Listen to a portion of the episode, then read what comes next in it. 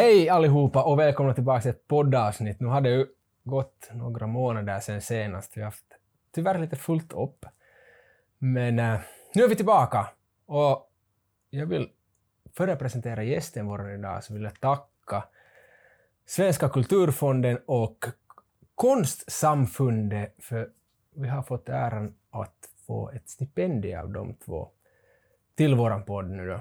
Så vi har lite mer möjligheter att utveckla den här under hösten och vintern och våren. Men så tusen tack till det. Och äh, de kommer vara med i alla avsnitt här nu då. Så ni kommer se loggorna här nere någonstans. Men till våra gäst idag nu då, som har flugit ända från Australien hit för att få delta i Verkstadsgymmet podcast. Och det är ju ingen annan än Cecilia Mattas. Välkommen! Tack! Roligt. Och vi känner ju varandra från förr. Vi gör det! Ja, och vi har till och med sprungit lopp tillsammans. Ja, och det var ju inte ett trail-lopp, men Nej. nästan Ja. kan man kalla det. Med lite obstacles då. Ja. Det var ju ja, nästan 10 procent av det vad du springer idag. Åtta kilometer var det som vi sprang. Vad är så kort vi sprang? Jag tyckte det var långt. ja, jag tyckte det var... Nu låter det ju helt sjukt kort. Men det var ett, åtta kilometer. Och 50 Ja. hinder tror jag. Det var, alltså, Ja, det var, jättemycket hinder. ja, och det var ju Tafest alltså. Och på den tiden fanns inte det här i Finland ännu. Det hade inte kommit till Finland. Nej, det var i Umeå som vi gjorde. Jo, det var ju jättekul. Mm. Faktiskt. Jo, jag har inte ens gjort ett enda sånt. Jag gjorde faktiskt ett i Australien, gjorde jag. Men då sprang vi faktiskt... Jag tror vi sprang 15-16 kilometer då. Mm. Och typ 30 obstacles och sånt. Så det var lite längre då. Var lite längre. Därför tänkte jag, jag skulle ju Umeå inte ha kanske- sprungit det. Jag hade den gränsen 10 kilometer, sen springer jag till en centimeter längre än det. Nej. Men vi är alla olika och du tycker ju om att springa du. Det tycker ju inte jag om att göra. Men... Nej, du är, du är som 50 procent av befolkningen. Ja, kanske 80 procent. Det är en sån här Ja, love-hate-grej, det ju lite det. verkligen. Antingen älskar du eller sen så tycker du det. Ja, men det är kul för att mycket folk, alltid då någon, någon möter mig och vi pratar om löpning eller någonting eller de hör mig, jag hör att jag springer så lång distans. Så då tänker de bara åh, jag önskar att jag skulle springa så det också eller så mycket.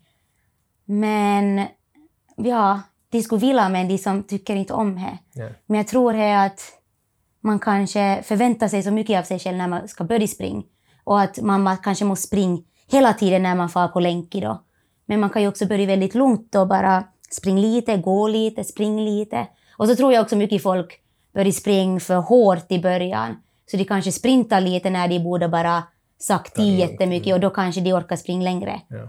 Så jag tror det är mycket sånt och vad folk gör fel och varför det kanske blir så det. Men där nu då, hur många år sedan vi sprang lopp? Det måste vara å- 28 år sedan. Så jag studerade i Umeå då. Så jag, jag tror det är 2014.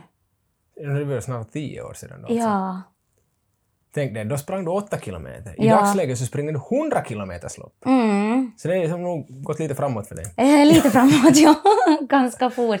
Men du sprang väl nog redan, visst hade du sprung, skulle, skulle du springa någon maraton då också? Jo, så jag minns inte riktigt var i mitt skede, för jag hade sprungit här i Vasa då innan jag flyttade till Umeå ett halvmaraton. Och det var ju efter att jag flytt, slutade med fotisen som jag tänkte att då man har tränat fotis så många gånger i veckan och är van med all sorts träning så kan man inte bara slut göra någonting. Så då började jag ju springa då och få till gymmet lite mera. Och då anmälde jag mig till en springgrupp då för att göra ett halvmaraton. Jag tyckte att det var så coolt att springa som 21 kilometer. Wow! Och det var ju som jättelångt och här skulle man träna till då. Och från här gick jag ju då till ett maraton och jag gjorde några sådana. Och sen sprang jag Stockholm Marathon en gång och sen skulle jag få tillbaka och springa en snabbare tid. Men så tränade jag för mycket, sprang för mycket och fick löparknä då i den här höger ben. Och uh, försöka springa maraton men måste sluta vid 32 kilometer då för att det tog alldeles för sjukt. Mm. Så Jag minns till och med att Ja. måste avbryta. Mm, det var så synd för jag tränade så hårt. Och då var jag också det strikt. Jag drack inte som no alkohol på hela sex månader då jag tränade. För jag skulle springa under fyra timmar då. Ehm, och sen blev det uh, pannkaka av alltihopa då. Och sen så slutade jag springa för många år. Eller inte många år, i alla fall ett år. Då började jag bara gym då istället. Ja. Och sen flyttade jag till Umeå då. Mm. Och där föddes ju den här Glöden kom tillbaka. glöden kom tillbaka och eh, då föddes det här, ja, att jag började springa på trails och sånt. Vad heter det på svenska nu igen? Stiglöpning? Nej, det låter nog konstigt det. Det låter jättekonstigt. Men, det, det, Men folk som- pratar ju alltid om trailruns, oberoende om det är svenska, finska eller... jag Kanske, vet inte ja. de- kanske det finns något skilt på finska. På finska heter det polkujuoksu, Okej. men på svenska, ja. Jag har aldrig... Jag vet. Nej, Är det kan, någon som lyssnar på det här så får ni gärna kommentera och säga att Ja. vad är det på svenska? Ja. Jag har bara hört trailrun. nej, kan faktiskt inte komma till mig. Finska kommer men inte svenska, nej. Ja. Kanske är nog bara, Jag tror nog det bara säger trailrun. ja, det låter coolt i alla Det fall. låter mycket coolare. Ja. Stigerlöpning. jag vet, det låter lite. Men nu har du nästan dragit hela din story här så vi kan ju avsluta det här avsnittet. Så här är då så ja, exakt. Och nu så tänker jag bli elitidrottare på um, sponsorshipnivå och tack och hej. Ja. Men vi börjar som vi alltid brukar börja. Vem är Cecilia? Eller nu då som jag kommer kalla dig här I eftersom vi känner varandra. Det har alltid varit I för mig, det har inte varit Cecilia. Nej. Så vem är, vem är det? Du får berätta lite bakgrund, varifrån du är. Ja.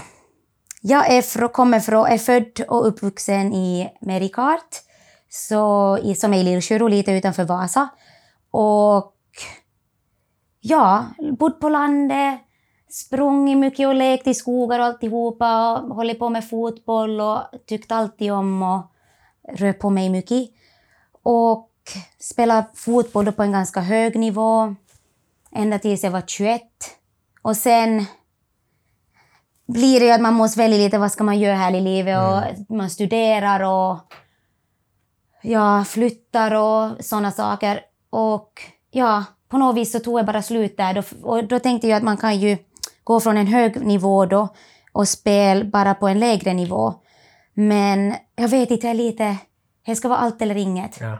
Så jag tänkte att jag inte kan fatta det här division 4 och bara träna en gång i veckan eller två gånger och en match nu som då. Jag Men vilken, vilken division spelar du alltså som högst i? I division 1. Ja. Eller finns det en... Gud! Nu har jag för nu.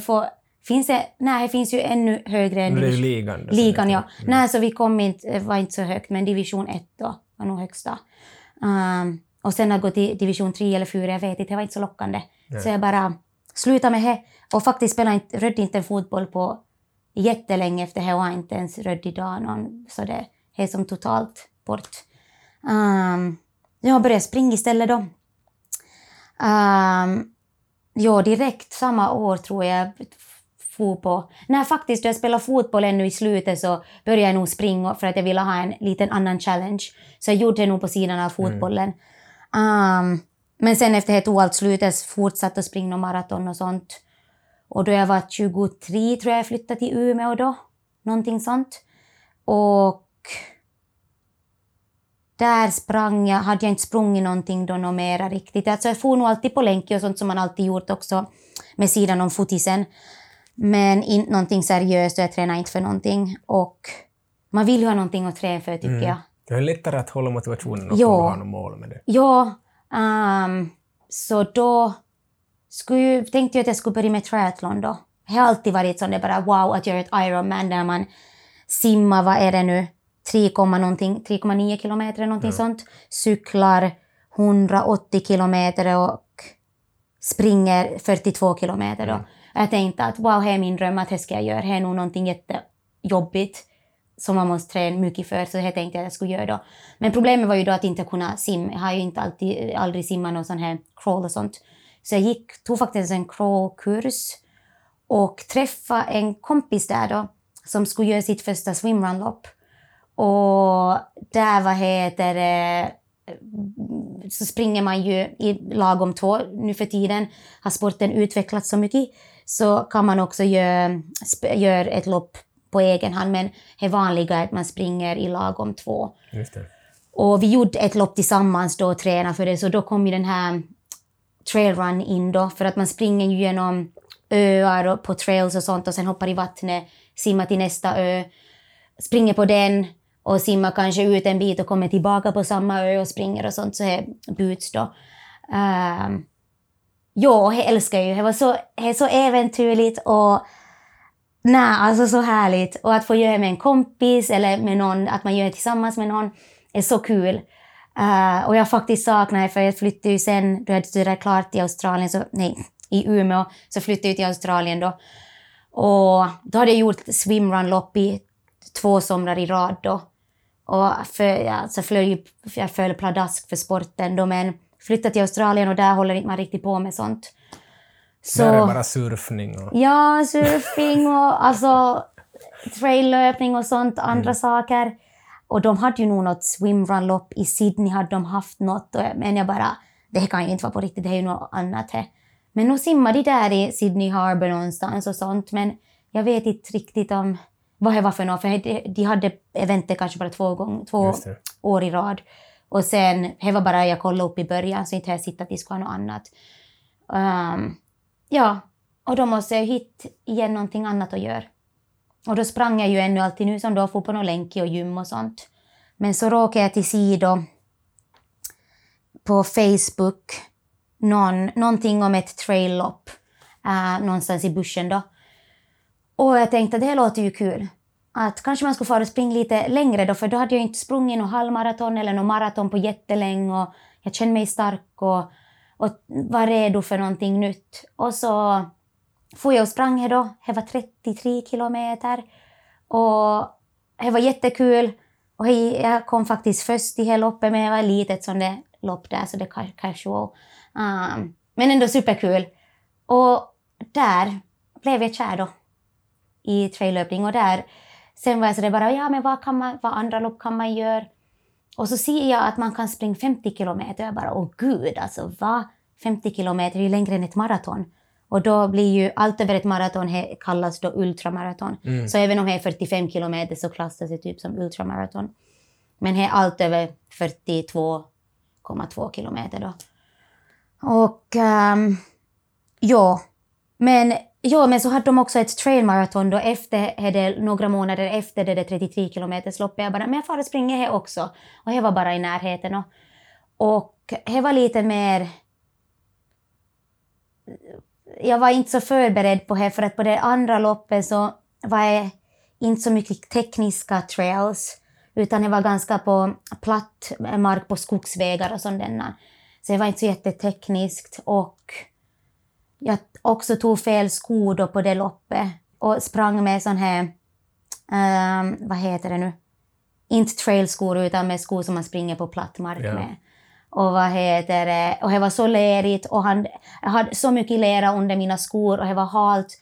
Och jag tänkte, vad har jag gjort? Och då gjorde man också, eh, man sprang 21 kilometer ett varv, sen vände man om och for andra varvet och det regnade och eh, det var kaos. Men det var ändå så kul. Och där, ja, Sen gjorde jag ett till sånt maraton.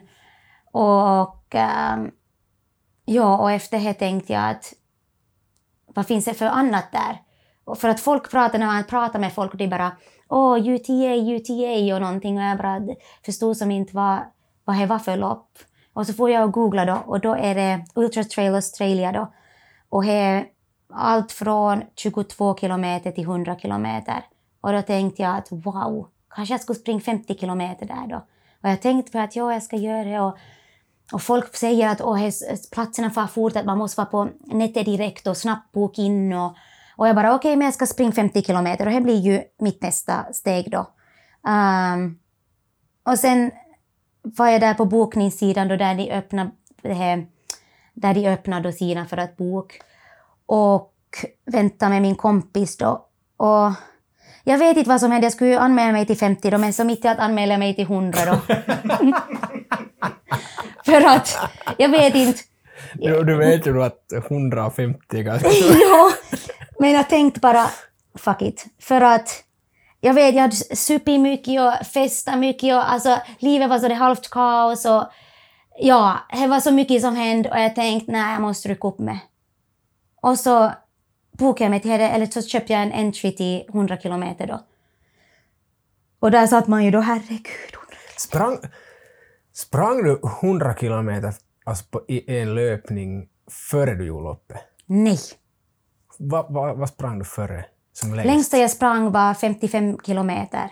Så du sprang 45 utan att veta om du helst kommer klara av det? Nej, 55. Ja, 55. 55, ja. Men Och Nu det här loppet gick ju så att du vann hela alltihop. nej, utan det var andra året jag gjorde året, ja. Men första året jag gjorde hej, jag kom eh, 12 tror jag, eller någonting. Ja. Så det var inte så roligt heller. Och det är som största tävlingen i Australien. där. Ja, och det är dit som, därför pratas så mycket folk om det, för att alla vill fara dit, för att Ja. det är så stor event, så mycket folk, så mycket som hejar. Alltså, det är på en helt annan nivå, superkul.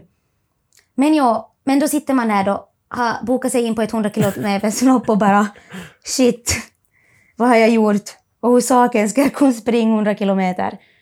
Så då tänkte jag att jag hade hört, då, eller jag vet inte hur jag hade tänkt, men jag hade hört att vissa personer har coacher då, att det finns, för det finns ju coachingprogram till 42 kilometer och halvmaraton och sånt. Så jag tänkte, men det måste ju finnas i 100 kilometer då. Så på deras hemsida hade de då olika coachinggrupper då, som jag kollade igenom, och jag bara, ja men jag väljer någon härifrån då. Så tog jag kontakt med en löpcoach som var i närliggande stad, eh, var jag bor i Australien. Så jag mötte upp med henne och sa att jag ska springa mitt första 100 kilometers lopp och längst jag sprungit är då 42 kilometer. Och om jag skulle ha varit smart så skulle jag kanske ändå... Alltså jag tycker ju aldrig det är inte kanske är bästa idén att ha sex månader på sig att träna till något sånt stort Mm. och hållas i skick och inte få några skador och sånt. Så ja, men jag tänkte bara, nej nu ska jag bara göra det. Ehm, men med en bra coach då. Och jag sa till henne också, jag vill bara klara av det att ta mig dit, typ. Och då gjorde hon upp ett ehm, program till mig då och ja, därifrån gick vi då. Jag gjorde mesta löpningarna och, och så. Och ja, och hade alltså världens bästa lopp. Lika bra som det jag vann. Så kul hade jag. Och jag trodde ju att det skulle, för att jag hade förväntat mig mitt första lopp då bara oj gud att folk säger att det ska vara jättejobbigt och tungt och hur ska det vara att det ska bli så lång dag, 100 kilometer, då man tänker att man sitter i en bil och så kör man någonstans som är 100 kilometer bort. Det tar sin stund. Ja, och då man tänker hur lång en kilometer är, det är faktiskt ganska långt då man tänker. Ja, Och så är det... jag tycker 100 meter långt. Men du kom ju så bra in där på, på träningen. Uh, Mm. Berätta lite närmare, alltså, tänker nu träningen från när du som faktiskt har börjat springa de här 100 kilometer. Ja. Att, va, hur såg hennes träningsupplägg ut då, och hur mångsidigt var det? Var det bara att få ut och springa eller gav hon en coachen också som att du skulle göra något du skulle på gym på och göra några vissa st- stärkande övningar då? eller? Nej, så hon gav nog bara vad heter Hon frågade ju också, vi hade ett möte och frågade som vad är min grund och allt sånt. Så hon vet jag att jag nog kommer kunna klara av det med hennes program då och sånt. Och vad heter det... Och hon, jag sa till hon att jag går till gym och sånt också, så hon var inte så jätteorolig över något sånt. Nej. Så vi kollade hur mycket jag sprungit innan och sånt, hur många gånger i veckan och så höll vi oss till det då. Men det som ändrades mest var då att um, på helgerna, alltså lördag och söndag, så hade jag två dagar efter varandra då att jag gjorde lite längre löpning. För att då, vad heter det, ja, istället för att ha ett långt pass, till exempel på lördag och springa kanske fyra timmar, så sprang jag ibland då allt från en till fyra timmar på lördag och sen allt från en till fyra timmar på söndag. Så ibland så var jag längre och kortare och sånt beroende på vilken vecka i schema jag var. Men vi byggde upp här långsamt och varje helg, så lördag en och en halv timme, söndag två timmar, vice versa. Och sen får det ända upp till tre timmar på lördag och sen tre och en halv på söndag. Och he, för att man återhämtar sig snabbare på det viset än att springa sex timmar då på en lördag. För då är det mer press på kropp, stress på kroppen och då återhämtar man sig långsammare. Ja, och där har säkert skaderisken att, att du ska springa 100 kilometer, att springa bara ett maraton så tar mm. kroppen stryk redan av. Ja, alltså man blev ju, då jag själv ja, hade klarat ett maraton då, alltså man var ju så sjuk. Ja. Alltså kroppen var ju inte van med det då. Och man jag tränade ju lite annorlunda på den tiden då. Och man behöver ju inte springa så där många timmar för att, träna, för, för att klara av ett maraton heller. Men nu om jag far och springer så alltså, återhämtar man ju sig så där på en Ja. dag. kanske Kroppen känner- vänjer sig säkert Ja. vid det att okej, nu måste jag sätta full gas på återhämtningen för att hon kan, här kommer få ut och springa tre och en halv timme på söndag så nu måste jag vara redo för det. Ja, det är nog Men där är förstås återhämtning, no, du hade ju där coach förstås Mm. eh, då också, men hade du som någon coach, var, var den här samma coachen och co- coachen så är det i, i alltså maten med, med kosten? Eller körde du kosten helt enligt hur du tyckte själv eller hade du någon annan coach till, till kosten? Nej, inte något sånt. Uh, uh, förstås så... För att det är ett som vardagligt för att orka träna och sånt så Mm. här hade jag ändå ganska bra koll på. Och det är ju så när vi också pratar om att hur det är med kosten och sånt. Um, och där är jag ju jättevarierande och bra enligt mig. Um, och, men sen ja, så är hon, det... Jag kan säga det när hon skulle dricka kaffe här före och hade mjölken så var det mera socker i Oatlys-mjölk som kunde ta den, så så noga är hon. Exakt. Inte alls. Nej, nej, nej, nej, nej. Det var bara ett skämt. ja, det var hon. Nej, jag typ, nu är jag ju i Finland och finskt godis har jag ju inte ätit på... Jo, vi, mamma och pappa har ju skickat till mig dit. Ja. Men ändå, nu har jag ju så mycket utbud så jag har ju ätit godis varje dag nu. Så socker har jag inte något emot, men jag väljer mitt socker och då sparar jag till godis. Så gott. Um, men tillbaks till mat och sånt och kost. Um, för man måste ju äta då under tiden man springer för att orka springa så långt då. Så jag är väl med där hon kollar då och informerar mig hur det går till och hur man ska tänka och sånt. Så där hjälpte hon nog mig.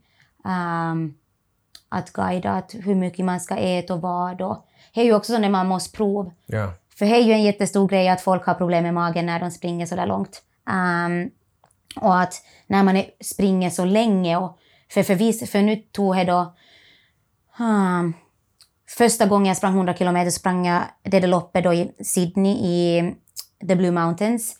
Så sprang jag här på 13.05 och sen två år efter då så sprang jag då på 11.35. Men vissa springer ju här på 20 timmar, 24, 17 timmar. Så då ska man ju nog som ork då. Och då är det så lång tid också, så mycket problem som kan hända då man håller på.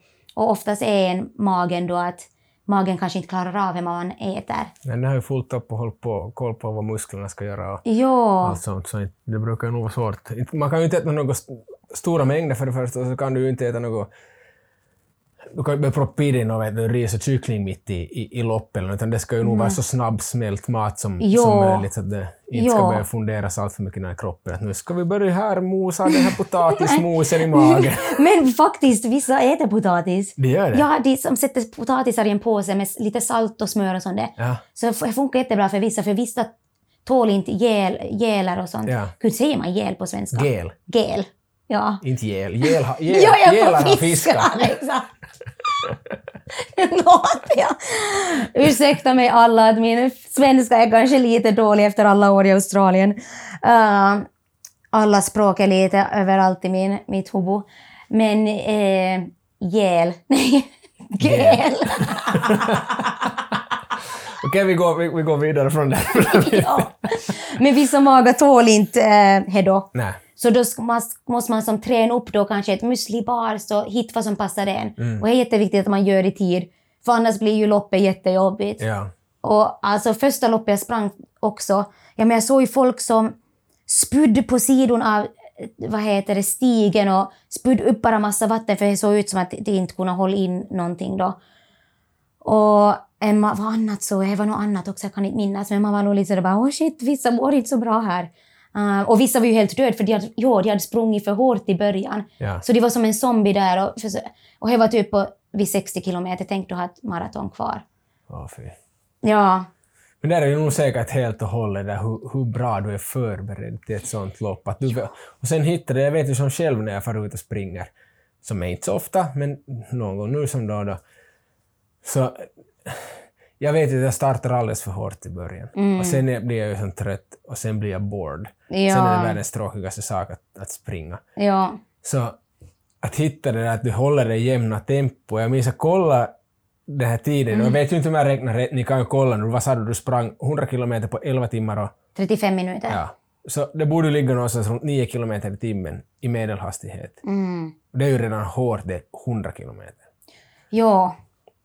Och vad heter det, just med sån här lopp då, uh, ultra trail lopp, Så det är jättesvårt att säga bara, åh men hur snabbt springer du 100 kilometer och sånt. För att också, de har alla har olika vad heter det, höjdmetrar äh, på loppet. Så ibland så kan, nu på det här i Blue Mountain så är 4400 meter upp och sen ner under loppets tid då. Ja. Medan loppet som jag ska springa i Frankrike kommer vara 6000 meter.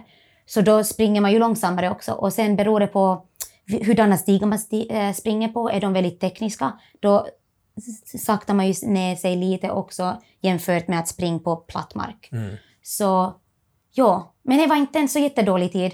Snabbast, um, vad heter det, tjej, säger man tjej inte? Woman, som har Tjej. sprungit, ja. Eller kvinna. Kvinna, exakt. Det var det jag gjorde. Eh, snabbast kvinna har sprungit på 11.05 tror jag. Vad sa du sprang på? 11? 35.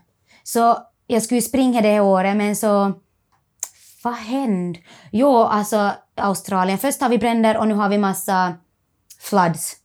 Översvämningar. Och Blue Mountains är ju, vad heter det, ja, en väldigt bergigt område. Uh, mycket klippor. Lite, som, lite liknande som Grand Canyon, att det som Ja.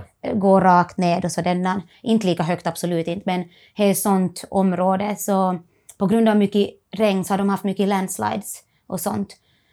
Och det var ju faktiskt en, eh, bara någon vecka in, några veckor innan loppet, två veckor tror jag, så dog ju två turister för att det var en landslide rakt på en stig som de gick på. Och det var ju en del, eller runt var vi, det där loppet skulle vara då. Och efter det vet man ju bara, okej, alltså det, de kommer ju som inte kunna Arrangera. ha arrangerat, så det blev ju cancellerat då. Men ja, så det var ju synd. Så jag skulle hoppas att jag skulle ha kommit närmare det 11, 11 timmar då, det skulle ha varit kul. Så det var Tror du mitt... du springer på 11 timmar idag? Eller? Om jag hade en riktigt bra dag tror jag nog jag skulle kunna göra det. Mm. Men jag vet inte. Jag har ju nog tränat jättebra, men det är svårt att säga då. Man måste som far och test sig. Och där är ju dagarna. Har du en bra eller dålig dag, som alla människor har, så Mm. har du en dålig dag så är det klart tiden blir sämre än om du har en Ja. bra dag. Jag verkligen har påverkat nog. Mm. Jag har nog haft en, en del av mina jobbiga lopp också. Mm. Som det senaste jag gjorde var förra oktober. Och då, det var i Queensland då, i oktober, så är det lite varmare. Uh, typ runt 30 grader, just under 30 grader tror jag vi hade eh, på varmast tidpunkten. Och jag hade ju tränat så bra och jag var, alltså, kände mig riktigt redo och taggad. Men på dagen, alltså början av loppet gick bra första 20 kilometerna, allt var lugnt. Och jag var taggad och kroppen funkade. Men sen mitt i att börja sakta känna att jag håller på att försvinna lite. Jag vet inte, det var konstigt. Och så hade jag 50 kilometer av pure struggle. Det var nog bara... Där är nog psyke som kommer. Så jag ska klara av det här fast det är inte Ja. alls roligt nu mer. Alltså, ja, det var så jobbigt. Och jag vet inte, alltså, mitt, alltså jag var trött i huvudet, så mentalt. Kroppen vet jag inte, alltså det är nog svårt att huvudet blir trött och att sen kroppen det påverkar nog jättemycket. Um, men ja, 50 kilometer var nog svårt. Och folk bara att ett steg i taget du kan göra det och så därför jag var ju en av topp eh, deltagarna där då som de hade förväntat sig skulle vinna eller vara i toppen då. Um, så alla, alla såg ju att jag hade lite jobbigt. Men jag tog min tid och tänkte bara okej, lite i taget. Att det är ju jättevanligt att man har som höga och låga stunder under en så lång dag. Så vad heter jag tänkte bara nej men det är bara en liten dipp att det kommer nog gå bort. Att det ska äta lite och vad heter det, drick lite och då blir det nog bra. Men eh, efter 50 kilometer då blev det lite bättre. Men då också under den 50 kilometern så vrickade jag foten nog ganska galet. Så då, det hjälpte ju inte heller och då, då trodde jag... Det var redan dåligt men det blev ännu sämre. ja. Men då fick jag den jäklar anamma, nu ska jag... Är det Suomi, Suomi Ja, exakt. Det kom rakt ut och jag tänkte... För jag var på ett ställe också där det var jätte... Vad heter det? Tekni, tekniskt och mycket såna runda stenar och Ja. sånt. Um, och då trodde jag det var över för jag försökte springa ner för då ganska långt och tekniskt. Och jag kunde som ett ställande fot... När jag for på en viss äh, sån här angle, vinkel, Mm. så bara for en massa sån här... Kändes som några knivar for rakt in där. Um, vid eh, vristen då. Men jag vet att det skulle komma lite mer plattare så jag tänkte bara kommer dit så kanske det blir bra. Um, och det blev bättre, så det var ju tur. Mm. Men nu hade jag ju lite ont där ännu, men då det var plats så gick det bra. Så då fick jag sån där, ett nytt liv lite till mig och då vet man att man bara har 30 kilometer kvar, att det här kommer gå. Och sista 30 kilometerna var ändå helt okej. Va, va, jobbigt. vilken plats hamnade du på? Då? Jag kom andra. Ja. De förvänt, du hade en dålig dag. Nej, jag kom tredje menar jag. Du hade en dålig dag och de förväntade sig att du skulle vara på pallen och då ändå gör du det på pallen på en dålig dag. Då, så. Jo. Nej, det var nog bra. ja. Men mest, största vinsten var ju ändå att jag inte gav upp. ja. För det var ju också andra topplöpare som, vad heter det, som också hade tydligen en jättejobbig dag och hade också som hoppade av då. Men vad heter det, för jag har ju ett mål att springa också 160 kilometer. En nästa år. Det bara kommer bli värre och värre och värre. Um, och då tänkte jag att om man ska springa 160, då kommer det säkert det vara långa sträckor där det är jättejobbigt. Så jag tänkte det här är en bra sån challenge då, eh, att det här måste som, det är bra test då. Och ehm, att bara försöka pusha igenom. Men jag trodde ju att det bara skulle vara en liten dipp. Mm. Men han höll ju i 50 kilometer då. Sjukt. Ja, Det är ju en liten dipp på 160 sen igen. Ja, exakt. Det är ju inte lika, inte lika hemskt. Det är inte halva loppet. Nej, exakt. Men har du använt dig av någon sån mentaltränare eller något sånt? För, som när du förklarar hela alltihop det, så det, man hör ju att det är otroligt mycket mentalt i hela alltihopa. Ja. Att bara att sätta sig för att ja, om jag ska springa 100 kilometer, det är ju inte vem som helst som gör det. Så där har man redan, du är mentalt stark där, du vet du klarar av det här. Så har du, använt, har du haft någon coach som har, någon mental coach eller något sånt? Nej. Alltså man läser ju alltid nu som då, eh, kanske läser någon bok eller på eh, sociala medier eller någonting, följer någon sån här mentala coacher och sånt. Men jag känner att jag alltid ändå haft ganska så det starkt psyke och varit starkt mentalt och sånt och inte har lätt gett upp. Det kan vara den finska sisun som då Ja, vi alla har i oss. Det måste vi ju säga i varje fall nu eftersom att du bor i Australien och är från Finland. ja, exakt. um, men ja, men he, bara, jag tänker bara att man måste, då he, man har sådana stora, vad heter det, challenges framför sig så måste man som göra dem mindre. Mm. Att man kan inte som, när man kommer till startlinjen bara okej idag ska jag springa 100 kilometer, yes 100 kilometer och sen du har sprungit en kilometer så är det bara 99 kilometer kvar. Alltså det låter ju jättejobbigt. Och ja, inte så kul heller för att Nej. det går ju jättelångsamt. Så du lägger upp då att okej, för 10 kilometer, Ja, typ 20 30, kilometers ja. block, då är det ju fem såna.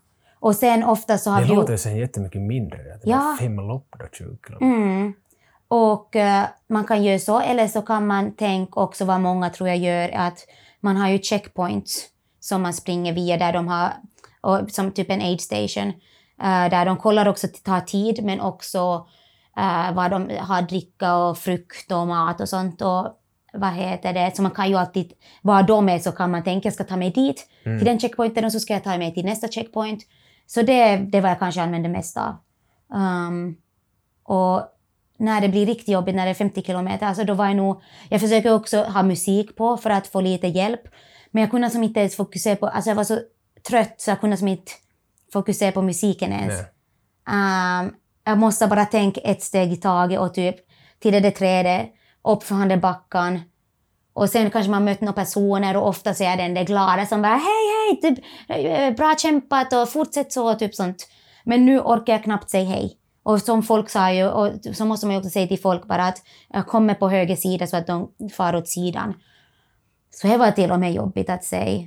Um, men det var nog bara ett steg i taget. Det låter sjukt att tänka, då är ju tusen sådana miljontals nästan steg. Ja. Men det hjälper då man är i en riktig sån där djup. Men det minns jag som då, just när vi tränade till Tafest, eller du, Mm. du tränade inte med oss till Tafest eftersom du bodde i Umeå, Mm. men, men att när vi tränade, jag och sambon och, och han är kompisen då ändå som var med och sprang det sen. Mm.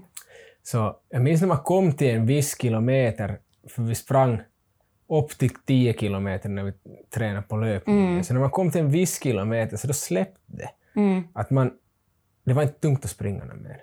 Alltså, att det rullade på. Det var, Ja. De första kilometrarna så var riktigt tröga tyckte. Det var jättejobbigt. Men sen började det rulla på. Är det samma sak när man gör ett sånt här lopp och kommer det där alltså i flera varv under ett lopp? Alltså jag menar att är det, första fem känns jobbigt, sen springer man 30 och sen efter 30 så kommer det igen en period som att det, Mm. löpningen känns jättetung och sen så lättar det på nytt. Ja, absolut.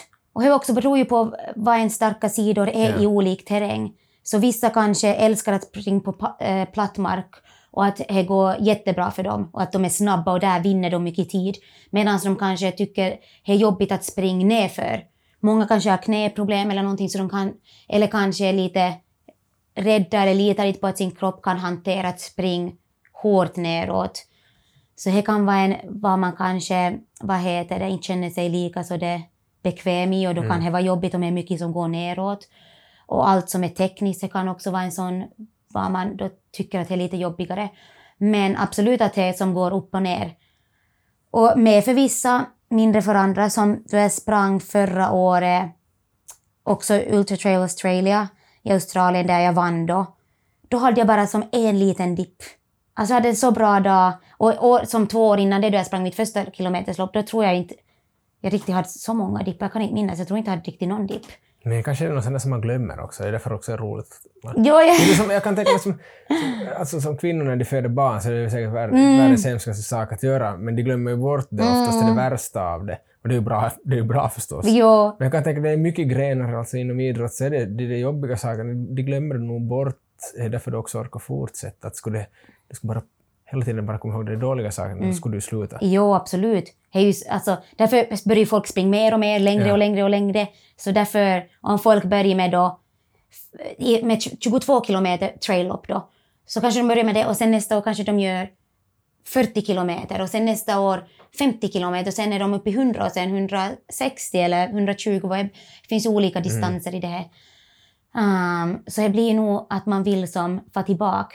Och sen vet man ju då man har haft en jättebra dag, så man vet att de bra dagarna finns också. Ja. Så det är ju det man hoppas att man har då, vad heter det, när man springer något lopp då eller ja, man önskar ju att alla dagar var som en här. Här är ju inte, Alla dagar måste vara bra. ja, det är nog mycket jobbiga dagar också, också träningsdagar, inte bara lopp. Ja. Mm. Men du var redan in lite på nå- så kallade kosttillskott, alltså de här gelarna, nej, Ja, gelen. exakt. Gel. Gel. Har du använt, använt, du pratar nog här också om proteinpulver och sånt Mm.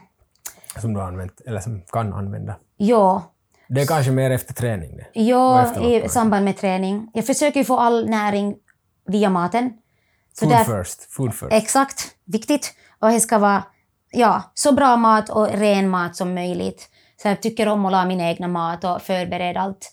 Um, men sen, mycket trails är ju ute i vision någonstans så man måste ju som oftast köra dit. Ibland kör man 20 minuter, ibland kör man tre timmar. Jag har till och med kört tre och en halv timme till- för att komma till ett trail uh, att springa på. Och då måste man ju ha med sig mat och what not. Och då kan jag ju ha en proteinshake då som har då kolhydrater och um, protein då mixat, så en återhämtnings ja, då. Med, som jag har med en banan då. Och sen får man och äter någonting efteråt då. Men ja, för jag ändå försöker vara noga för ibland tar det en stund till att ta sig bort och sen när man är klar så chillar man kanske lite, byter om för man är så himla svettig och lejr och beroende på vad man har sprungit så det kan ta sin lilla tid så är det bra att ha någonting med. Men ja, och på, under loppet så äter man bara snabba kolhydrater och vad som och här då de här gelsen Bra. Du tycker rätt i. som, jag, som funkar bra för mig. Helt potatis med smör och salt. Nej, inte ännu. Kanske när man springer 160 kilometer kanske man måste ha något sånt. Men Jag tycker det är just intressant för potatis har ganska mycket stärkelse i sig. Ja. Det är ju lite svårsmält, vissa säger ska borde vara det, så jag tänker att det är konstigt att hur det, hur det går ihop. Men ja, alla är vi olika och vi måste hitta Ja. den väg som funkar bäst för, Mm.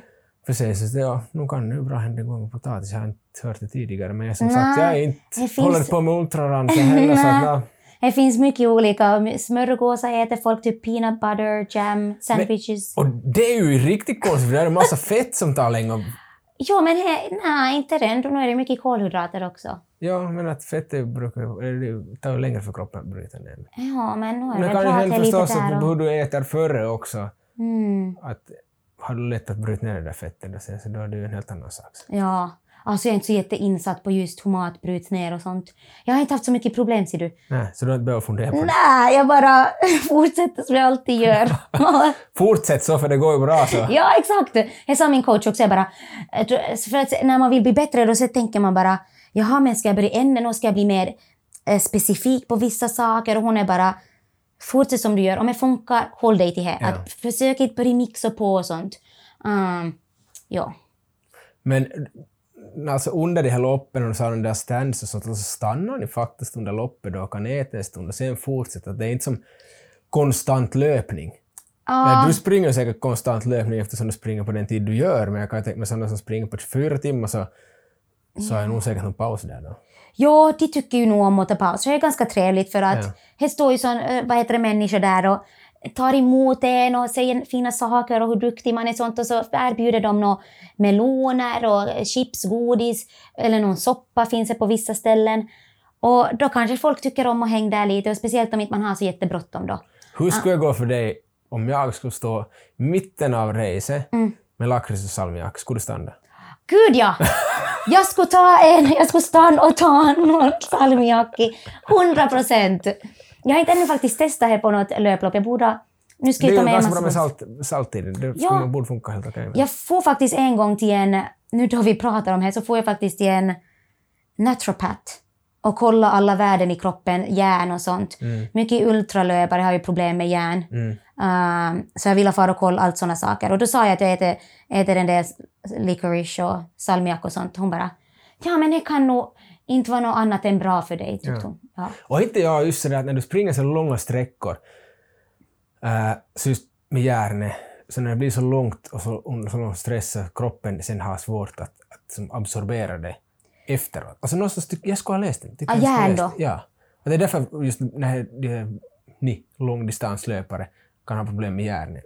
Det kan hända att jag hittar på någonting, men jag tycker jag har läst någonstans att just på grund av när det är så långa distanser och, Man och- bryter ju ner... Ja, så det blir nedbrutet. Ja, men, ja, nu glömmer det. Jag måste kolla upp det. Ja, jag vet inte om man bryter ens ner det, men man använder så mycket. Ja, det blir så mycket använt så det Ja. blir allt för mycket minus och sen har kroppen svårt på grund av återhämtning och.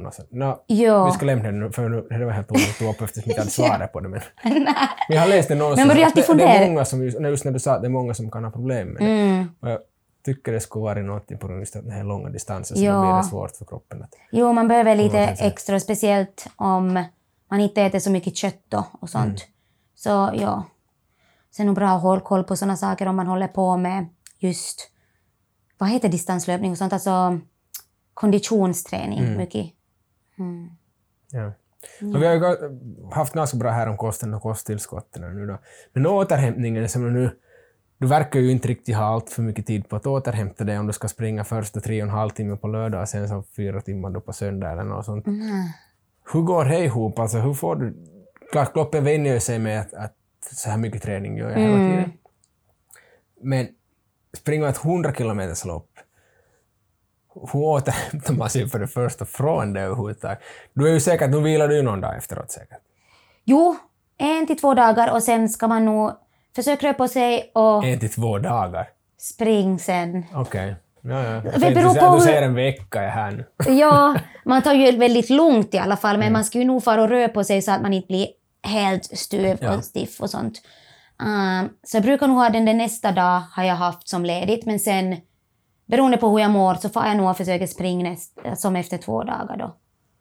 Um, Men så annars efter ett, inte efter ett lopp, hur återhämtar? Hur, hur mycket fokus vi säga lägger du på sömnen till exempel? ja. Klart, där är ju kosten är ju också återhämtning och som du sa, att röra på sig är också ett sätt att återhämta sig. Jo, Att inte, inte bara ligga behöver inte vara positivt, utan man kan ju återhämta sig aktivt också. Ja, och var för att eh, ultralöpning är ju också det är inte jättemycket unga som gör det, typ Nej. 20 till 30-åringar. Det är med kanske 30 till 50-60-åringar som just, speciellt där vid 40-50. Och vad heter det? Och många har ju barn. Och de måste ju springa innan barnen vaknar då oftast. Och när de kommer hem då, då ska ju barnen upp på vaken så inte har de ju tid att fara och chill och sånt. Nej. Men de har sagt, sådana som jag pratar med då, Så de har sagt att det har faktiskt hjälpt att de här barnen får som igång dem, att de lämnar inte och sitter någonstans eller så, utan de rör på sig, de får till någon park och sånt. Ja, ja. Som säger att det faktiskt har hjälpt att de har som som de tror att de återhämtar sig snabbare för att de lämnar det inte som och ligger eller sitter någonstans. Barnen sköter återhämtningen. Yes. Men du nu då, som just med sömnen, alltså, har du sådär att jag måste sova åtta timmar per natt? Eller jag måste sova... Ja. Ja. Jag är jättestrikt med sömnen, eh, men det kommer inte bara från Alltså, uh, nej. För att när jag flyttade till Australien så sov jag inte så mycket. Jag blev jättemycket sjuk där efter något år. Tränade jättemycket, så typ fem sex timmar och tränade två då, gånger i dagen. Och då höll jag inte... Då, alltså jag gjorde en massa saker, så jag var, ja. Um, och jobbade mycket och sånt. Så jag blev sjuk alltså, typ hela tiden. Mm. Uh, det var inte så kul. Till och med mina rumskompisar som jag bodde med, de bara alltså Cecilia, nu måste vi sitta ner och ha en liten intervention här. Du måste börja sova mer. att du... vilka härliga kompisar som gör det. Ja, det var så fina. Uh, för vi jobbar också Det tillsammans. brukar ju vara så att "Okej, Cecilia, nu måste du sluta dricka. ja, sen exakt. Nej Cecilia, du måste börja sova mer. ja. För jag var alltid, jag for sist och sov och jag vaknade alltid först för jag tränade jättetidigt på morgnarna innan jobbet då. Och sen hade jag alltid värsta dippen mitt på dagen på jobbet. Att jag for på golvet och ligg och bara, alltså jag måste ha en mikrovila här. Och så därför började jag dricka kaffe också. Jag drack aldrig kaffe förr, började dricka. I alla fall. Och jag var så trött på att jag var sjuk hela tiden, for och tog blodprov och sånt. Men alltså, det tog ändå en stund för jag förstod att jag, jag måste sova mer. Och sen efter det har jag börjat sova mer och alltså, jag har ju som inte varit sjuk alls så mycket. Så det är verkligen A och O är sömn. Mm. Um, och sen kommer kosten efter det. Och sen kommer väl ja, men, massage och något sånt. Men jag Och till försöker... sist kommer träningen. Exakt. Nej. Men om vi tänker på bara uh, återhämtningssidan. Ja. Mm, så då är det nog sömnen skulle jag nog säga. Att om jag prioriterar någonting så är det nog sömnen. Ja, det kan jag nog hålla med om att sömnen... Där gör många fel och Ja. inte sköter sömnen ordentligt. Jag vet själv jag är dålig på den där sömnen. Jag är Mm. nattuggla och sen är jag absolut inte någon som stiger upp tidigt heller. Och, ja. Så jag, där är någonting som jag själv måste arbeta på, att få in Ja. sömnen bättre. Men jag har så jättesvårt nu, sommartid i varje fall, när det är ljus nästan dygnet runt. Och Ja. det brukar gå bättre i år, har jag haft riktigt jobbigt med det här. Att som, jag ligger nog upp till ett, halv två på nätterna. Oj. Men du måste ha sån där Jag har mörkläggning, jag är kolsvart alltihop, inte vet jag. Nej. Kan dock hända att det har med stress att göra. Ja. Men läser du bok på kvällen då? Nej, För att du men, sova? jag, jag, kan, jag är ju dålig på att läsa, nu Ja, ser du, jag har ett tips på sån här bok. Okej. Eller, vad heter det, läs en bok. Eller lyssna på en, lyssna på en bok via telefon då. Eller meditation på kvällen. Så ibland har jag, är mitt huvud ibland är helt spinnar och jag inte som kan lugna ner mig och inte kanske orkar läsa och vet att jag måste, som- nu måste jag som slappna av. Då är det nog meditation jag kommer till. Och så sitter jag på en sån där sleep timer då som stänger av sen. Och he, ja, funkar. För det vet jag att jag har det. Jag håller på med så mycket på dagarna, så jag hinner som aldrig som tänk-tänk Mm. på dagarna. Så på kvällarna när jag lägger mig ner och lägger fast ögonen, så då börjar jag som tänka på allt vad jag ska ha gjort. Jag vet, så då börjar jag planera. Jo, Och det är det som gör att jag ligger upp länge då. Innan jag har igenom allting tänkt vad jag har, allt jag har missat en dag som jag ska göra nästa dag. åh allt sådär. gud ja. Så jo, jag har faktiskt tänkt att jag skulle börja läsa. Jag har, haft, jag har ju varit jättedålig att läsa hela livet. Mm. Eh, Men jag skulle vilja börja Ja. läsa. Och just det där, jag har tänkt, just det vad du sa, jag tänkte det där är säkert någonting bra. Istället för att ligga och se på en skärm, så läs en bok. Mm. För det är ju tråkigt, så då blir man trött. Ja. Så har jag tänkt det. Ja. Samma sak med meditation. Min andra bror så är utbildad yogainstruktör, så han håller på mycket med meditation och han har ju också varit pratat med och tänkt, men jag har bara inte kommit med till. Nej, men eh, då du är redo, så då, Mm. då tar du den dit. Ibland så man det är så mycket man vill göra och tänker att det här borde jag göra, det här borde jag göra. Men man tänker också bara när man är redo och en vacker dag kommer man till det. Ja. Klart, ibland måste man ju pusha sig själv också. Men jag tror du kommer ta dig till det. Då du är riktigt Tack, desperat. Jag tror Fick på jag dig. motivation ja. Men ja, sömnen, du, sa, du sa ju det jättebra. Sömnen nummer ett, kosten andra och sen muskelvård ska Ja. man kanske kalla det då, massage och sånt. Massage, ja. Ja. Mm. Ja, och skador har du ju också lite varit in på där, vricka foten under något lopp. Har du haft något annat? Jag Hade du något problem med någonting här höstas? Jo, inte i höstas utan förra... Vad är förra året? Det är så hemskt för att ju, allt... det var ju höstas förra året. Nå, för, förstås, men jag tänker ett förra år som ett år sedan. Ja, ja. Ehm, jag har ju nog haft något här i höften som har gjort att jag inte har kunnat springa. Ja. Som när jag tränade till maraton så hade jag det här löparknä. Och, men jag, för, för, som, ja, jag gjorde ju ingenting åt det. Och ibland så vet man inte vad man har för svagheter förrän man får en skada. Men jag har ju som haft lite här, lite sån här hip bursitis, tror jag det heter, eh, inflammation här. Och vad heter det? Och jag kände ju av det lite sådär, men jag for inte till någon fysioterapeut förrän det tog jätteont. Och då kunde jag som inte ens riktigt springa några steg. Och då får jag till en fysioterapeut och vi gjorde needling och det var ju inflammerat och så åt något antiinflammatoriskt och Vad sa du du gjorde? Needling? needling, ja, så det stoppar nålar? Ja. Hur kändes det? Det skulle vara jätteintressant Alltså- att prova det. Jag har sett flera som... Ja, det var intressant. Jag, det verkar nog att jag hjälpte. Jag for till henne då några gånger, någon, alltså varje vecka i några veckor då. Och sen lite glesare och så. Men vi jobbar nog tillsammans en stund. eh, för jag måste fixa snabbt för att jag hade ett 100 kilometers lopp jag skulle springa då. Men vi tog oss dit, för först var jag så det bara jag kanske inte kan springa, det beror helt på hur snabbt det här healar. Men vi gjorde det och sen måste jag, vad heter det, öva upp och stärka muskler runt det här Ja. området då. Så, och det är ju någonting jag har fått allt, att alltid måste jobba med, just att ibland kan jag få lite känningar där och då vet jag att okej, nej men då har jag kanske sprungit lite mycket på en vecka och kanske inte gjort så mycket stretchning eller vad heter det, återhämta mig lika bra och gjort någon styrketräning eller någonting. Um, så det är sånt man måste alltid hålla koll på. Sen, sen kanske man styrketränar och stärker någonting men då kanske man måste stärka någonting mer så man borde kanske alltid gå och kolla lite var man är. Och där har jag också tagit in en, en tjej som hjälper mig med biomechanics som i min löpning. Så hur, mina, alltså hur jag springer då och vad jag måste förbättra eller borde förbättra för att um, ja, in, minska skaderisken. För vissa kan ju springa på ett visst sätt och inte ha några skador. Men, och någon kan kanske se på den personen och bara åh, det där är inte helt hundra. Men är man inte skadad så kanske ändå det funkar. Så då kanske fortsätter så. Men börjar man känna någonting så måste man ju som börja se var det borde bli någon lite ändring eller göra några övningar där man stärker och så. Um, och jag har ju tagit in en, eh, en tjej som hjälper mig då med mitt löpsteg. Och det har varit jättebra. Det gör, försöker jag alltid göra.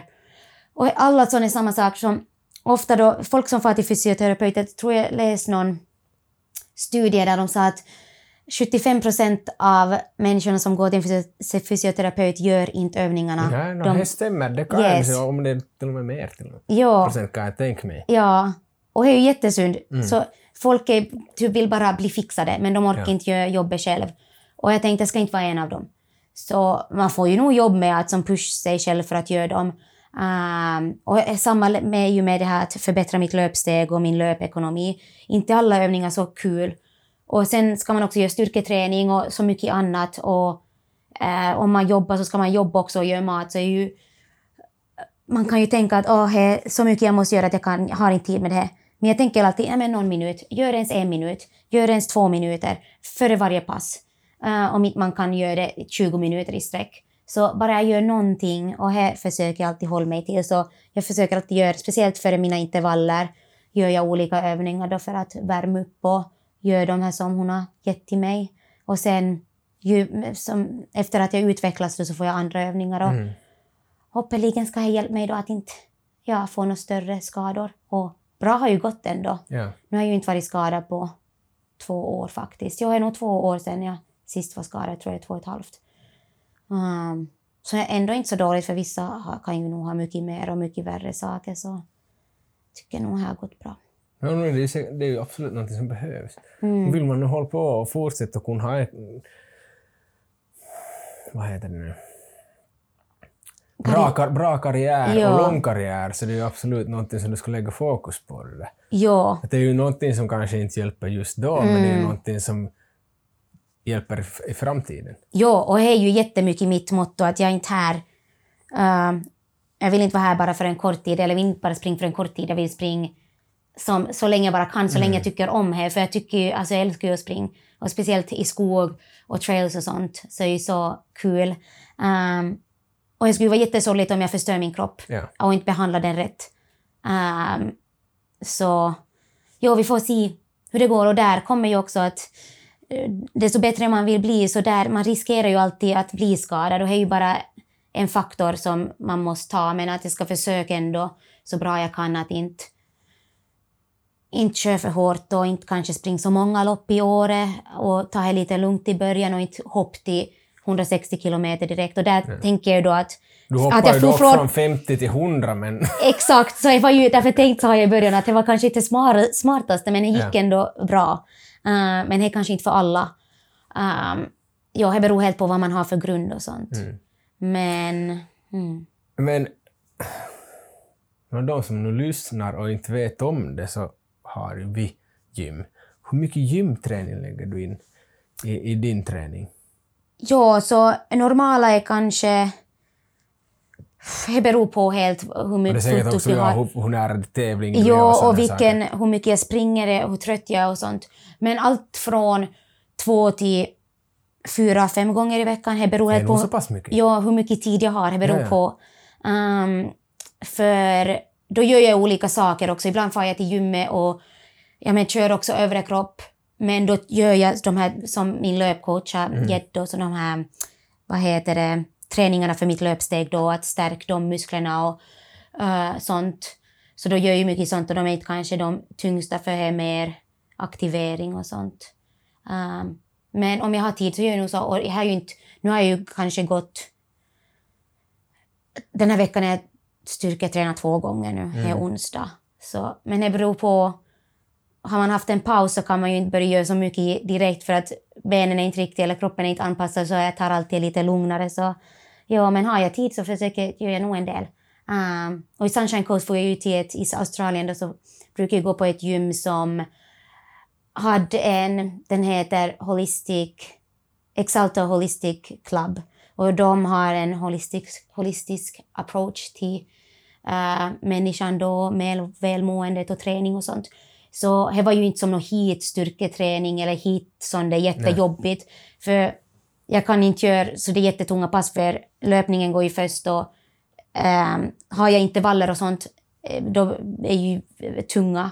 Ah, och då kan jag ju inte ha styrketräna ben jättehårt dagen Klara innan. springa och ha sån träningsvärk i benen. Ja, exakt. Ah. Ehm, så det beror på, så inte är det som det är jättetung allt som jag alltid gör. Nej. Ehm, och det varierar då två till max fem, men eh, vad heter det, tre är väl det som jag kör. Ja. Mm. Ett medeltal. Ja. Uh, uh, uh, vi ska se vad vi ska ta nu. Mm. Du pratade här alltså före, före vi började alltihop så pratade du om sponsorer. Mera med, med Ja. sambon min än med mig, men jag, över, jag hörde på vad ni sa nu lite Mm. där. Och, har du några sponsorer redan nu? Jag har ju solglasögon som jag har fått av ett brand som försöker... De är eh, från Hongkong men försöker ta sig in i... är mer som vanligt i Europa. Och ganska nya och inte så jättestort. Men jag har provat många solglasögon um, och det är jättesvårt att hitta någonting som funkar på trail. Och de här är jättebra, så de eh, uh, skickade ett par glasögon, äh, solbrillor till mig då. Och de har jag tyckt jättemycket om, så de uh, har gett mig gratis då jag är sponsrad av dem, men det är lite knepigt och de just håller på att utvecklas i Australien så är det som inte så stort och jag får som, ja, eh, solbrillor av dem då. Och, Men allting är ju hemåt. Ja, och de är så bra och jag springer med Ja. dem hela tiden så jag bara... För där är det ju nog alltså, nu kostar ju solbrillor, om du ska ha bra solbrillor så kostar ju.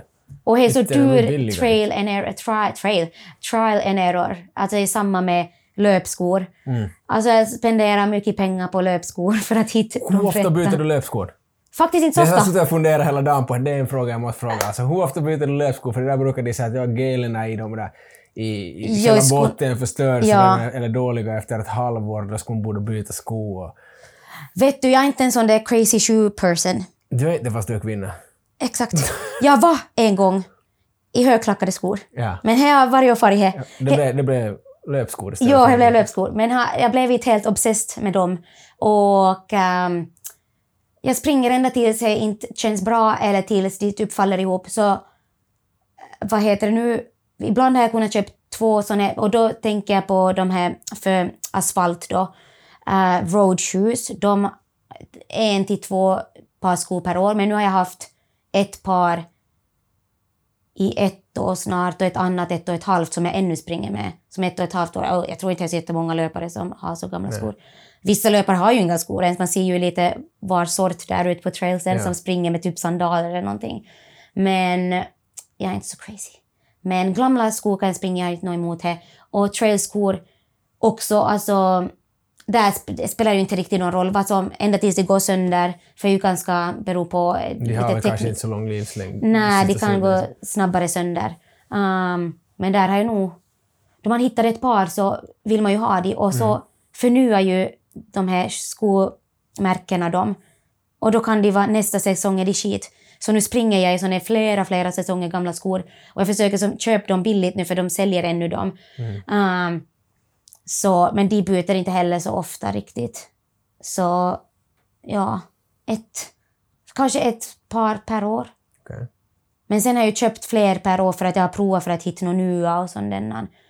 Och då är det ju synd att man köper ett par då för 200 dollar och sen Passar känns inte. inte bra. Nej. Man kan ju sälja det. Jo, men det är lite knepigt tycker jag. Okej, så du, du, du har en garderob full med skor som inte du använder? Typ, inte en hel garderob, men en liten hylla, ja. Men ibland använder jag för att må lite bättre, jag bara, äh, vi byter lite. dem. Exakt. Um, det är ju bra också att byta ibland, att man har samma skor. Det är bra. Jag tänker att det är bra att... Jag tycker också att man ska vara mångsidig. Att man inte ska som bara springa. Jag tycker inte bara om att springa. Jag tycker om lite... Jag håller ju på med swimrun också. Vill håller på, så jag simmar ju lite också. Um, så det är ju lite samma med skor, att det är bra att byta lite så att Ja. inte skofoten blir helt van Så det är bara den ena skon som passar, utan att foten måste få vara lite obekväm emellan. Ja, Men nu kommer vi in på något helt annat tack vare min konstiga fråga. Då, men, sponsorer. men sponsorerna, och du pratar om att du, du vill gå så långt så du gör det här som proffs. Ja. Du sa det riktigt fint. Alltså, vad, skulle jag ha sagt? elit, Elitidrottare sa jag, men det är ju inte idrottare. du är sa nog ännu finare. Nej, Um, jag har nog varit och farit här nu. jag har varit fan. Um, ja, jag vill bli ja, professionell löpare, traillöpare. Och um, jag håller ju på att utvecklas i Australien, men det är inte lika stort som det i Europa och USA. Och uh, ja, så jag sp- sponsras ju också, eh, inte bara av de här solbrillomärken, men också av en sån här shop då som säljer all sorts vad heter det, utrustning för aktiviteter och så löpning är en jättestor del. Um, och uh, ifall man håller på med hiking och kajaking och sånt. Så de sponsrar mig också.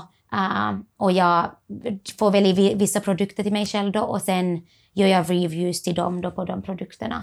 Så så funkar det nu. Men jag som, ja, mitt mål är ju att bli som betald um, proffs då i traillöpning. Um, och då måste ju vinna lite mera lopp och eller vara nära toppen där de är de bästa i världen. Och jag får ju springa med de bästa i världen i slutet av augusti. Mhm. Så om det går bra så då kanske jag kan approacha ett brand som jag kanske kan få en fot in i. Um, Vilket brand är det? jag vet inte, nu finns så många så man vet som inte riktigt. Men det Är finns du, nog men en är del. du en Nike eller Adidas-person? Nu För de har har väl, Nike har i varje fall så har de... trailskor, Ja, ja. Jag springer ju med, nu springer jag med New Balance. Ja, okej. För de har varit bra. Men så började jag också springa med Ultra, Ultra Running. Så de har ju, eh, amerikanskt Okej. tror jag. Eller jag vet det är stort i eh, Amerika men också i Australien. Men jag vet inte om de är based därifrån. Men de har också en grupp med ultralöpare som de har i sitt team då. Men så är det Nike, Adidas, Terex. ehm, och så är ju Salomon en av de största då. De har ju alltså alla toppatleter. Jag sprang ju med såna när vi sprang Tafest. Är det så? Ja, den där, vad det hette, den där modellen. Ja. Mm. Eh, och jag har Och som de var inte... fruktansvärt sköna på foten. Och vad de? Helt Jag har inte underbart. haft ett Salomon, jag har som inte haft ett par och jag har inte haft ett Adidas Terex par eller Adidas par heller. Och det är ju för att man hittar, far till en shop då och man hittar vad man hittar där då. Mm. Så ja, och när man blir sponsrad av ett brand då så ska man ju använda deras saker. Så det är synd att jag som är, jag borde ju skaffa mig ett par skor då och se vilka som passar bra på foten. Man hittar varje par. Ja. Så, "Mm, det, här, det här nog kan jag väl lära mig att springa med det. Några tusen lappar senare. um, ja, så vi får se då hur det här loppet går i Frankrike, då Chamonix. Um, men ja, är spännande och nyfiket för att jag skulle vilja tävla på international level. Och för att i länder har de ju också sitt, att man är som ambassador i landet, men jag skulle som vilja vara International. här. Ja. Och vill som resa runt och tävla och sånt. Alltså jag bara känner att det det jag vill göra och att det är någonting jag vill prova på. Klart det blir att nu när man har en stark passion för löpning så är det en helt annan sak att göra det som sitt jobb. Mm. Men man ska prova och se hur det går. Jag tror på dig. Jag tror att du kommer komma dit. Jag tror på mig själv också.